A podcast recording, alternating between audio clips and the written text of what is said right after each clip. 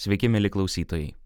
Su jumis aš, Karolis Pilypas Liutkevičius, ir šiandien aš įgarsinsiu savo kolegos Deniso Vėjo straipsnį Ukraina - žmonių karas keturkojų gyvenimuose.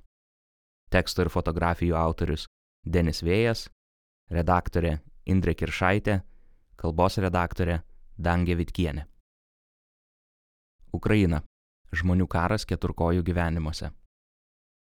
Naikindama gyvenamuosius rajonus ir ištisų miestų infrastruktūras Ukrainoje, Rusijos kariuomenė sukėlė grėsmę tūkstančiams gyvūnų. Kitaip nei žmonės, kurie bent jau suvokia, kas darosi, kai ant jų miestų krenta bombos, katė, šunis ir kiti gyvūnai nežino, nuo ko ir kur reikia slėptis. Ir tik atsidavusių savanorių, dažnai rizikuojančių savo pačių gyvybėmis dėl gyvūnų gelbėjimo dėka, tragedijos mastas mažesnis. Tatjana ir Pavelas, Černyhivas. Gyvenimas skirtas ne vien žmonėms, bet ir viskam, kas gyva, sako Tatjana Subistianska, 48 metų literatūros mokytoja iš Černyhyvo, gyvenanti apgriuvusiame bendrabutyje kartu su sunumi Pavelu. Savo namuose jie globoja benamius gyvūnus - septynis šunis, dvidešimt kačių ir vieną jūrų keulytę. Sutikau Tatjaną balandžio pradžioje. Jos namas avarinės būklės. Nėra nei vandens, nei dujų, nei elektros. Fasadinėje namo pusėje neliko ne vieno sveiko lango. Pirmame aukšte matosi būto dydžio raketos paliktas plyšis, o vienas namo korpusų visiškai pajodavęs nuo gaisro liepsnų ir dūmų. Dėl tolimojo nuotolio raketų sovietinio tipo bendrabutis liko praktiškai negyvenamas. Kai kuriuose būtuose vis dar galima sutikti anksčiau čia gyvenusius žmonės, grįžusius pašalinti sprogimo paliktų nuolaužų ar šiaip apsidairyti, kas liko iš jų namų. Lipu laiptais į viršų ir trečiame aukšte už nedidelės barikados, pastatytos iš sprogimo bangos išmuštų durų, sutinku Tatjaną, laikančią rankose juodą šunytį. Šią barikadą moteris atitvėrė visą komunalinio aukšto koridorių tam, kad jos globojami gyvūnai nepabėgtų. Tatjana susijęjo savo gyvenimą su benamiais gyvūnais dar iki karo. Paskutinius trejus metus jis savanoriavo vietinėse gyvūnų prieglaudose. Anot moters, beglobių gyvūnų situacija Černyhive tragiška. Prieš juos dažnai smurtaujama, o kai kada jie netgi tikslingai nuodijami. Savo veiklą Tatjana apibūdina kaip kovą už tai, kad beglobiai gyvūnai rastų namus.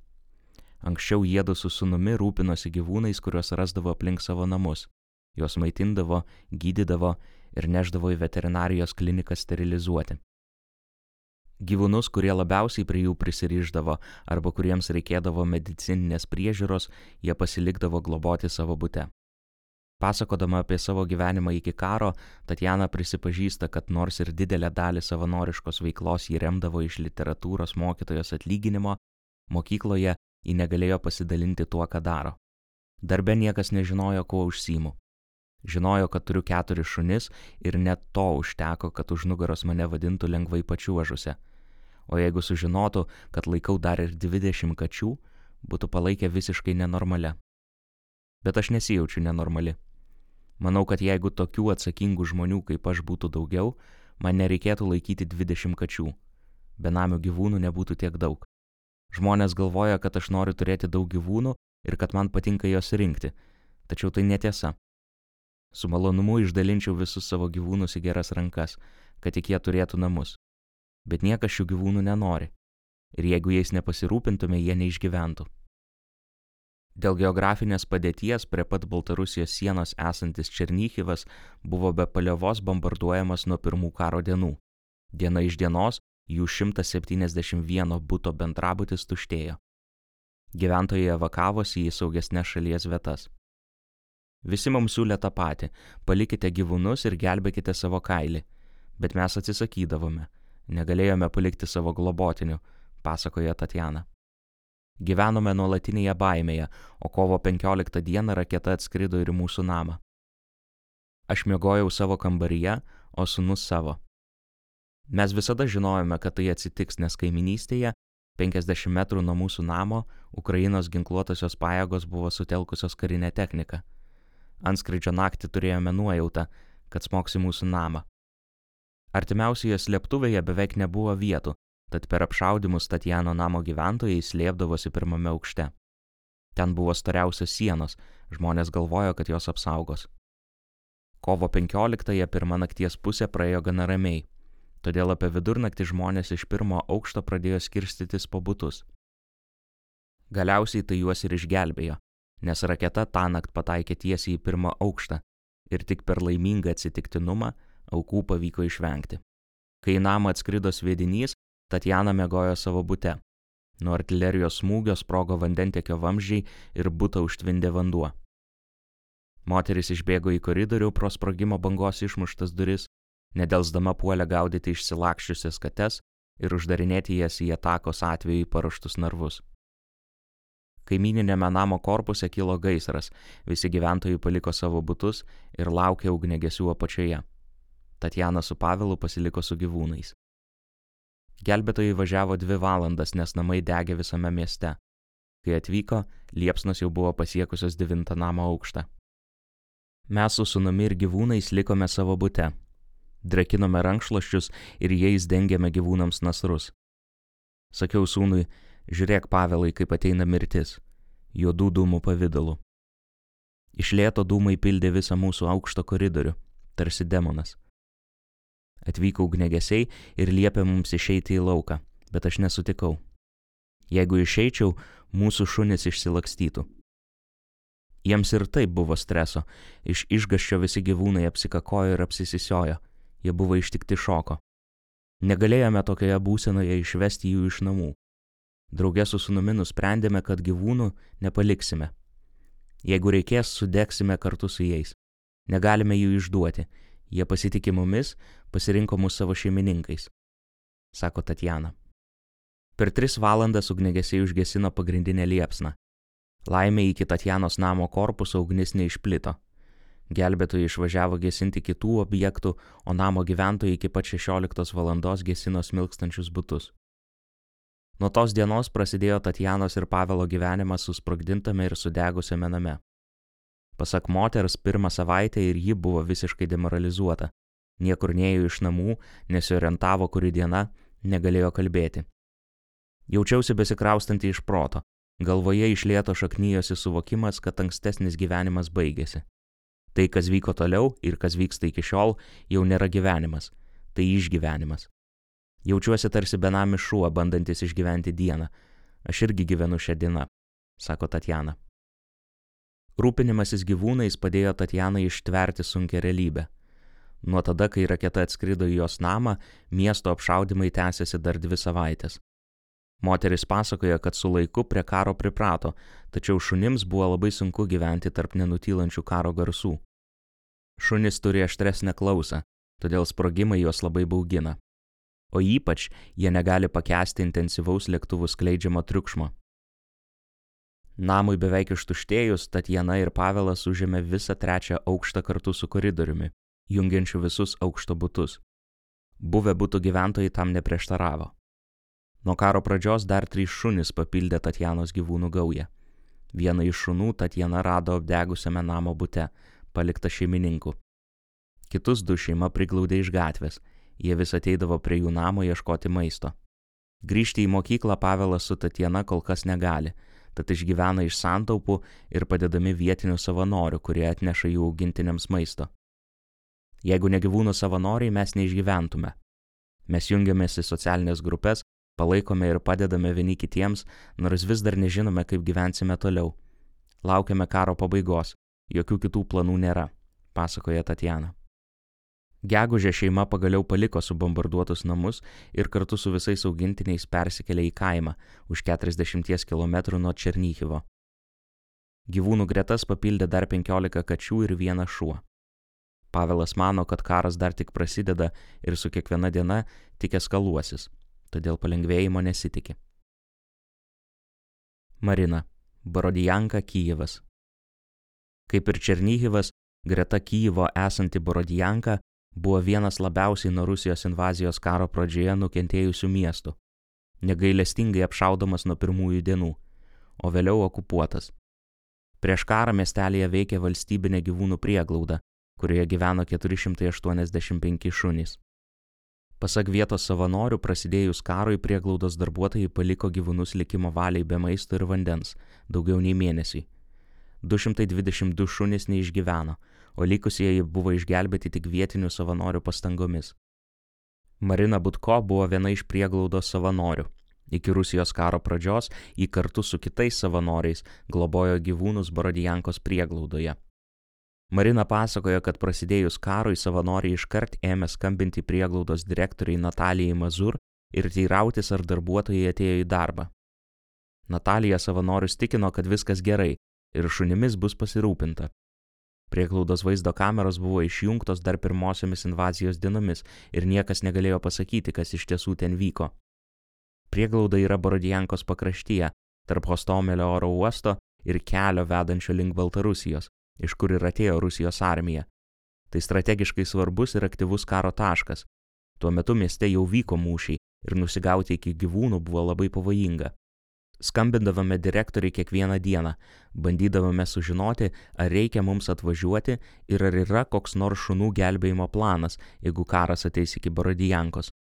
Mūsų įtikino, kad bet kuriuo atveju šunimis bus pasirūpinta ir jie visada bus pamaitinti. Po savaitės supratome, kad kažkas ne taip, nes į mūsų užklausas ir skambučius skirtingi žmonės duodavo skirtingus atsakymus, sako Marina. Tuo metu prieglaudos direktorės Natalijos Mazur socialinių tinklų paskiros mirgėjo nuo paramos rinkimo įrašų, o jos pateikiama informacija apie situaciją prieglaudoje atrodė pati savo prieštaraujanti. Kovo ketvirtą dieną Natalija paskelbė du įrašus. Viename jų ji džiaugiasi, kad surinko 400 tonų gyvūnų maisto paramos bet dėja iki Borodijankos prieglaudos nusigauti negalinti. Tadien anksčiau ji parašė, kad gyvūnai šiandien yra pamaitinti, o vėliau šis įrašas buvo ištrintas. Marina kartu su savo komanda iš organizacijos Hvostata banda, lietuviškai odeguota gauja, ėmė ieškoti būdų nusigauti iki Borodijankos. Pradėjome rašyti žiniasklaidos priemonėms ir skelbti informaciją per visus socialinių tinklų kanalus. Rašėme kareiviams ir rusų, ir ukrainiečių, prašydavome evakuacinio koridoriaus gyvūnams. Atsiliepė daugybė žmonių iš viso pasaulio, visi norėjo padėti išskyrus oficialius kanalus, kurie tą pagalbą iš tiesų galėjo suteikti. Ukrainos gyvūnų globos asociacija į mus net nesureagavo, tarsi ne jų pareiga padėti 485 šunims, paliktiems likimo valiai. Mes net skelbėme piniginį atlygį žmogui, kuris galėtų patekti į prieglaudą, pamaitinti ir išleisti iš narvų visus šunis, pasakoja moteris. Patekti į prieglaudą savanoriams pavyko tik po mėnesio, balandžio pirmą dieną, kai priešo kariai atsitraukė iš miesto ir viena savanorė nedėlisant nuvyko patikrinti šunų. Pasakodama toliau, Marina negali sulaikyti ašarų. Savo telefone jį rodo filmuotą medžiagą, kurioje matosi nugaišę gyvūnai narvuose. Vieni kūnai išdžiūvę, kiti apgraužti, o tie, kurie išgyveno, nusilpė ir labai sulysę. Atrodė, kad prieglaudos darbuotojams nusispjauti. Tadien vienas iš darbuotojų atvažiavo pusvalandžiui ir iš karto pasišalino, netgi nepadėjo surinkti lavonų. Turėjome viską daryti patys. Ketverius metus mes važinėjome pa šiuos šunis, jais rūpinomės, auklėjome, maitinome, o tą dieną rinkome juos po gabaliuką. Per keletą artimiausių dienų Marina su savo komanda išvežė likusius šunis į Kyivą. Tie, kuriems reikėjo skubios medicinės pagalbos, buvo išskirstyti po veterinarijos klinikas. Sveikesni ir stipresni buvo atvežti į Kyjivo hipodromą, kuriems sutikta laikina pastogė ir jais rūpinosi savanoriai iš odegotos gaujos. Dabar šunų hipodrome nebėra. Dalis jų iškeliavo į naujus namus arba prieglaudas Europoje. Kiti rado namus Ukrainoje. Borodijankos prieglauda užsidarė. Gyvūnais besirūpinantis savanoriai kreipėsi į teisėsaugą dėl neatsakingo Natalijos Mazur elgesio su gyvūnais, tačiau jų prašymas vis dar svarstomas ir kol kas jokio atsakymo jie nesulaukė. Mikhailo, Demydivas. Vasaro 24 diena. Visi zoologijos sodo darbuotojai vietoje pildome dizelino atsargas, skaičiuojame likusi maistą. Raketos, raiktasparniai, lėktuvai skraido aplinkui, dūzgia. Netoliese yra atakos objektų Gyvūnams viskas gerai, maisto yra, dujų tiekimas nenutrauktas. Laikykitės. Vasario 25 diena. Pro zoologijos sodą pravažiuoja didžiulė Rusijos karinės technikos kolona. Į vietovę pataikė viena raketa, aukų nebuvo. Kreipiamės į visus kariškius, prašome nešaudykite į gyvūnus, jie vos gyvi iš baimės. Tokiais įrašais pirmosiomis karo dienomis savo socialiniuose tinkluose pasidalino Mikhailo Pinčiuk, zoologijos sodo 12 mėnesių direktorius. Atvykome į zoologijos sodą balandžio viduryje. Lankytojams sodas vis dar buvo uždarytas, o dauguma gyvūnų jau evakuoti į kitus šalies zoologijos sodus. Šis zoologijos sodas yra įsikūręs Demydivo kaime netoli Kyjivo. Pačią pirmą Rusijos invazijos į Ukrainą dieną priešos raiktasparniai šturmuojantis netoliese esantį Hostomelio oro uostą užtemdė dangų virš Demydivo, o antrą dieną buvo susprogdintas į miestelį vedantis tiltas su vandens užtvanka. Upė patvino ir miestelis kartu su zoologijos sodu buvo izoliuotas nuo likusio pasaulio. Mikhailo taip pat buvo atskirtas nuo savo gyvūnų. Ta diena jis išvyko į namus už penkių kilometrų nuo miestelio, kad surinktų daugiau maisto ir degalų. Sugryžti jam pavyko tik po mėnesio, kai rusai atsitraukė ir tiltas buvo suremontuotas. Vasarį temperatūra čia siekia minus 10, o zoologijos sode gyvena daug šilumą mėgių gyvūnų, kuriems šaltis yra toks pats priešas kaip ir alkis. Nepaisant milžiniškų eilių degalinėse, Zoologijos sodo darbuotojams pirmą karo dieną pavyko surinkti pusę tonos dizelino generatoriams ir šiek tiek maisto. Demydivo kaimas kartu su visų zoologijos sodu buvo okupuotas. Su gyvūnais liko tik dalis darbuotojų. Ir tik jų pastangomis mėnesį trukusios blokados nuostoliai buvo minimalūs. Tie, kurie liko atskirti nuo gyvūnų, rūpinosi maisto ir degalų pristatymu į zoologijos sodą. Pasak Mikhailo, rusai pro savo blokpostus praleisdavo tik po keturis Raudonojo kryžiaus savanorius per dieną. Žinoma, pagrindinė savanorių misija buvo ne gyvūnai, o žmonių iš Demydivo evakuacija. Rusų kariai Raudonajam kryžiui leisdavo įnešti siuntas į okupacijos zoną, tačiau tik tiek, kiek savanoriai sugeba panešti rankose.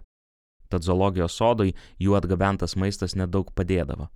Čia gyvena apie 30 plėšrūnų, tarp kurių nemažai liūtų ir tigrų.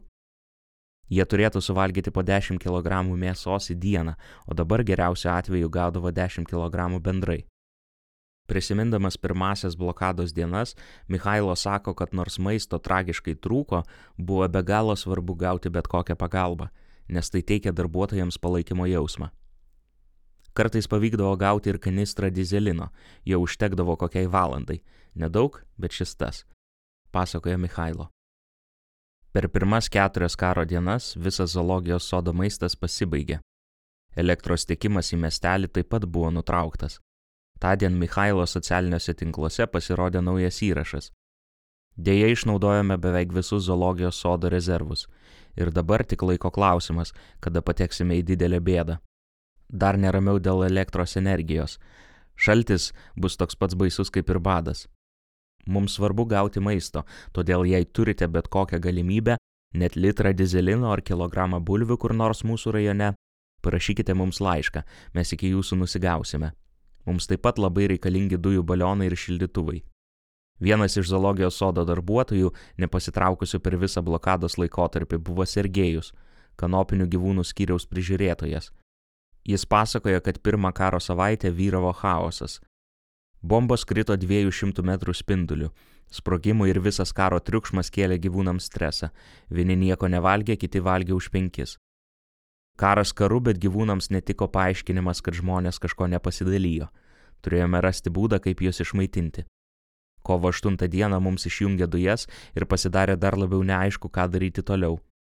Mūsų primatai buvo šildomi tik dujomis, tad teko juos visus perkelti į vienintelę patalpą, kurią šildė katilas kitaip ne vienas nebūtų išgyvenęs. Vietiniai kaimo žmonės taip pat bandė padėti.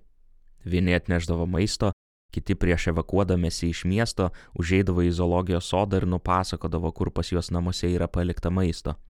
Situaciją apsunkindavo marodieriai, kurių pasak zoologijos sodo darbuotojų miestelėje buvo nemažai. Kai atvyksti prie namo, kuriame negyveni ir pradedi kažko ieškoti, sulauki daug dėmesio iš kaimynų. Ir ne visada pavyksta paaiškinti, kad ieškai maisto gyvūnams ir turi tam leidimą. Tad po poros dienų šios idėjos atsisakėme, prisimena Sergejus. Anksčiau žurnaliste dirbusi Veronika taip pat visą okupacijos laiką praleido su gyvūnais, nors ir nebuvo zoologijos sodo darbuotoja. Jai nepavyko evakuotis iš okupuoto miestelio ir ji pasiliko su sodo darbuotojais. Karo kontekste jai teko ne tik mokytis gyvūnų priežiūros, bet ir užmėgsti ryšį su pirmą kartą matomais, siaubo apimtais egzotiniais gyvūnais. Kažkuria akimirka jau atrodė, kad maisto likučiai pasibaigs ir prasidės mirtis iš bado. Tačiau maisto vis atsirasdavo ir iš bado niekas nemirė. Dėja dalis gyvūnų mirė dėl kitų karo pasiekmių. Gyvūnams tiesiog nenatūralu būti tokioje aplinkoje, kur greudi sprogimai ir dreba sienos. Nuo streso mirė pora hienų, o psichologinės karo pasiekmes gyvūnams jaučiamas iki šiol. Beždžionės aidint artilerijos smūgiams, bandydamos ištrūkti iš patalpos, daužydavosi į sienas ir prieš savo valią žudėsi. Karo pasiekmes tai ir medikamentų trūkumas. Turėjome sergančią raudonąją vilkę. Dėl karo negalėjome jai laiku gauti vaistų, o kai gavome jau buvo per vėlų ir jos išgydyti nepavyko, pasakoja Veronika. Visą okupacijos laiką 12 mėnesių zoologijos sodo darbuotojai bandė susisiekti su rusų kareiviais, kad praleistų maisto siuntas. Tačiau leidimo taip ir negavo. Situacija blogėjo kasdien, kol rusai galiausiai pasitraukė iš Demydivo. Tuo metu Mikhailo jau buvo prikaupęs savo namuose daug maisto ir degalų, ir kai tik kelias buvo atvertas, po trijų valandų jis jau buvo prie zoologijos sodo vartų su sunkvežimiu atsargų. 12 mėnesių gavo daug paramos iš Europos zoologijos sodų ir privačių aukotojų. Šią akimirką jų situacija atrodo saugi, tačiau anot Mikhailo šiandieninės humanitarnės krizės akivaizdoje užtikrinti sklandžią zoologijos sodo veiklą bus labai sunku. Reikiamo kiekio rūgių šiais metais mūsų šalis nespėjo pasėti, tad bus tikrai sunku aprūpinti visus kanopinius. Turbūt teks pirkti šieną iš užsienio. Taip pat turime daug plėšrūnų, kurie valgo tik jautieną, kitos mėsos jiems nereikia, o logistika šalyje dabar tikrai prasta ir neaišku, iš kur tiek mėsos gauti, sako jis. Aleksėjus. Irpinė. Aleksėjus Surovcevas iki vasario 24 dienos dirbo teatro ir kino aktoriumi. Dabar jis save laiko zoo savanoriu, pasivadinusi Borodatąją kotomamulę, lietuviškai barzdota kačių mamytė. Karo pradžioje, norėdamas būti naudingas, Aleksėjus užsirašė į teritorinę gynybą, padėjo patruliuoti Kyjivo gatvėse ir prisidėjo prie žmonių evakuacijos tačiau greitai suprato, kad gyvūnams pagalbos reikia ne mažiau nei žmonėms.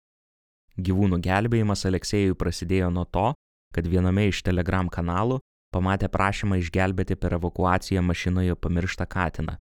Nuvykęs į tą vietą ir suradęs krepšį su katinu, Aleksėjus perdavė gyvūną šeimininkiai. Vėliau įkėlė į savo Instagramą vaizdo įrašą ir gavo daugybę prašymų išgelbėti kitus paliktus gyvūnus. Tai, kas vyko, prilyginau filmo siužetui Filmo scenarijus visada susidaro iš atskirų scenų. Jeigu iš scenarijaus galima išmesti vieną sceną ir niekas nepasikeičia, vadinasi ši scena nereikalinga. Pradėdamas evakuoti žmonės jaučiausi kaip nereikalinga scena. Žmonėms padedančių savanorių labai daug, o žmonių, kurie padeda gyvūnams, yra vienetai, pasakoja Aleksėjus. Jeigu ne karas, Aleksėjus šiuo metu dalyvautų realybės šou apie išgyvenimą, paslėdni geroj, lietuviškai paskutinis didvyris. Dabar gelbėdamas gyvūnus iš sugriautų būtų, aplinkui aidint priešo kulkoms ir sprogimams, vyras pripažįsta, kad jo gyvenimas ir taip tapo išgyvenimo šau. Tuo metu ir Pinėje vyko intensyvios kovos už miestą. Iš vienos pusės buvo ukrainiečių armija, iš kitos rusų, o kovos ir susišaudimai vyko pačiame mieste. Apie tai liudija kulkų išdaužyti langai ir miesto vitrinos, Gatvėse palikti susprogdinti automobiliai bei tankų ir artilerijos išmuštos skylės gyvenamųjų namų sienose. Kas kart kirsdamas blokpostus jaučiuosi kaip kompiuterinėme žaidime, kai patinki į naują lygį, kur pagrindinė užduotis yra tiesiog išgyventi ir išgelbėti kuo daugiau gyvūnų. Aplink renta bombos, švilpia kulkos, šaudo snaiperiai, pasakoja Aleksėjus. Ukrainoje Aleksėjus yra žinomas aktorius, turintis daugybę sekėjų socialiniuose tinkluose. Pradėjęs naują veiklą, jis aktyviai ją dalinosi su savo auditorija. Ir žinia apie irpinės gyvūnų gelbėtoją sparčiai pasklido. Per mėnesį Aleksėjus išgelbėjo apie 400 namie paliktų, pasimetusių arba tiesiog beglobių gyvūnų. Kai balandį susitikau su Aleksėjumi, sąraše jų buvo likę mažiau nei 200. Tačiau rusams atsitraukus į miestą grįžta ir jo gyventojai. Kai kurie pamiršta pranešti, kad jų gyvūnų tikrinti nebereikia. Pasitaiko atveju, kai Aleksėjus atvyksta prie reikiamo būto, išlaužia duris ieškodamas gyvūno ir paaiškėja, kad šeimininkai gyvūną jau išsivežė. Kartu su Aleksėjumi ir Pinėje praleidau visą dieną. sekdamas ir dokumentuodamas jo darbą. Privažiuojame prie pirmo namo iš prašymų sąrašo. Iš už tvoros girdisi šuns lojimas. Aleksejus peršoka tvorą, prašo jam paduoti šunų maisto ir pripildęs dubenėlį prakiša jį į šuns narvą. Šį kartą šunį te reikėjo pamaitinti. Kitame prašyme parašyta, kad raktų nuo namų šeimininkas perduoti negali, tačiau yra išdaužtas langas, pro kurį galima įlipti į namą. Atvažiavę suprantame, kad iš namo liko tik apgriautos sienos, o viskas, kas buvo viduje, sudegė. Bandome ieškoti šuns, bet iš karto pasidaro aišku, kad jeigu jis ir išgyveno, tikriausiai pabėgo. Grįždami į automobilį atsitiktinio namo lange pamatome katiną. Atrodo, kad name seniai niekas nesilankė. Susprogdintos aliuminės tvoros likučiai suvarpyti kulkų. Pastebime, kad vienas langas išdaužtas, per jį patenkame į vidų. Nosį iškart užgala nuo kačių šlapimo kvapo, visur netvarka ir iš pirmo žvilgsnio sunku pasakyti, ar prieš akis apiplėšimo scena, ar šeimininkai taip greitai ruošiasi išvykti, kad paliko visur išmėtytus daiktus. Name randame keturis katinus. Visi atrodo išsigandę ir alkani. Pamaitiname juos, sudedame į transportavimo konteinerius ir nešame iki mašinos. Gyvūnus Aleksėjus iškart nufotografuoja ir nusinčia nuotrauką savo asistentį Kyivę. Ji įkelia nuotraukas į socialinius tinklus, kad žmonės galėtų gyvūnus atpažinti. Taip pat Aleksėjus namie palieka raštelį su savo telefono numeriu ir užrašu. Jūsų katinai pas mus. Pagal planą toliau katinai turėtų keliauti į Kyjivo prieglaudą ir, jeigu per porą savaičių jų šeimininkai neatsirastų, jiems būtų ieškoma naujų namų. Tačiau tam įvykti nebuvo lemta. Jau ruošiamės išvažiuoti su katinais, kai prie mūsų prieina kaimynas ir klausia, ką čia veikiame. Paaiškėja, kad namo savininkai jau pakeliui namo ir dabar stovi poros kilometrų eilėje prie įvažiavimo į miestą. Katinus iškart gražiname, o kaimynas šeimininkų prašymų padovanoja Aleksėjui degtinės butelį už rūpestį. Toliau keliaujame po adresatus iš prašymų sąrašo. Važiuojame į modernių bendrabučių kvartalą. Aleksėjus pasakoja, kad šie namai neseniai pastatyti ir naujieji gyventojai iki karo tik pradėjo čia įsirenginėti būtus. Dabar rajonas visiškai sugriautas. Atrodo, kad neliko ne vieno pastato nenukentėjusio nuo gaisro ar sprogimo surandama reikiamą namą ir kylame į penktą aukštą. Laiptinė apdegusi, langai išdaužti sprogimo bangos. Pasiekę ketvirtą aukštą suprantame, kad penkto aukšto nebėra. Stogas nuneštas, o visi būtai sudegę, tad tęsti paieškų net nebandome. Per likusią dienos dalį išgelbstime dar du katinus iš sąrašo. Taip pat nuolat sustojame pamaitinti benamių gyvūnų. Prieš mėnesį Aleksėjus grįždavo į Kyivą automobiliu, pilnu gyvūnų narvų, O dabar darbo žymiai sumažėjo. Ir tai ženklas, kad gyvenimas iš lėto grįžta į miestą, o žmonės pas savo gyvūnus. Aleksejus jaučia, kad jo žinomumas Ukrainoje gali padėti benamiams ir šeimininkų paliktiems gyvūnams, todėl jis nori tęsti savo veiklą ir karui pasibaigus. Aktoriaus žodžiais, jo išgelbėti gyvūnai ilgai prieglaudose neužsilaiko ir būna greit išgraipstomi, kaip karšti piragėliai, priduria. Labai padeda pinigų aukojantys žmonės, tačiau jie siunčia ne tik pinigų, bet ir šunų maisto, transportavimo dėžių, medikamentų. Dažniausiai aukojamos mažos sumos, bet daugelio žmonių ir tai labai džiugina. Šiuo metu netrūksta nieko, tačiau situacija keičiasi labai greitai. Taip pat suprantama, kad karas kažkada pasibaigs. Kartu su juo pasibaigs ir žmonių noras aukoti pinigus, o benamių gyvūnų liks daug ir pagalbos reikės dar ilgai, pasakoja Aleksėjus. Ačiū, kad klausėte. Šį tekstą bei fotografijas kviečiu pamatyti mūsų tinklalapyje nara.lt. Ten rasite ir kitus Deniso vėjo darbus iš Ukrainos. Prie mūsų darbo galite prisidėti per Contribui ar Steady platformas. Iki.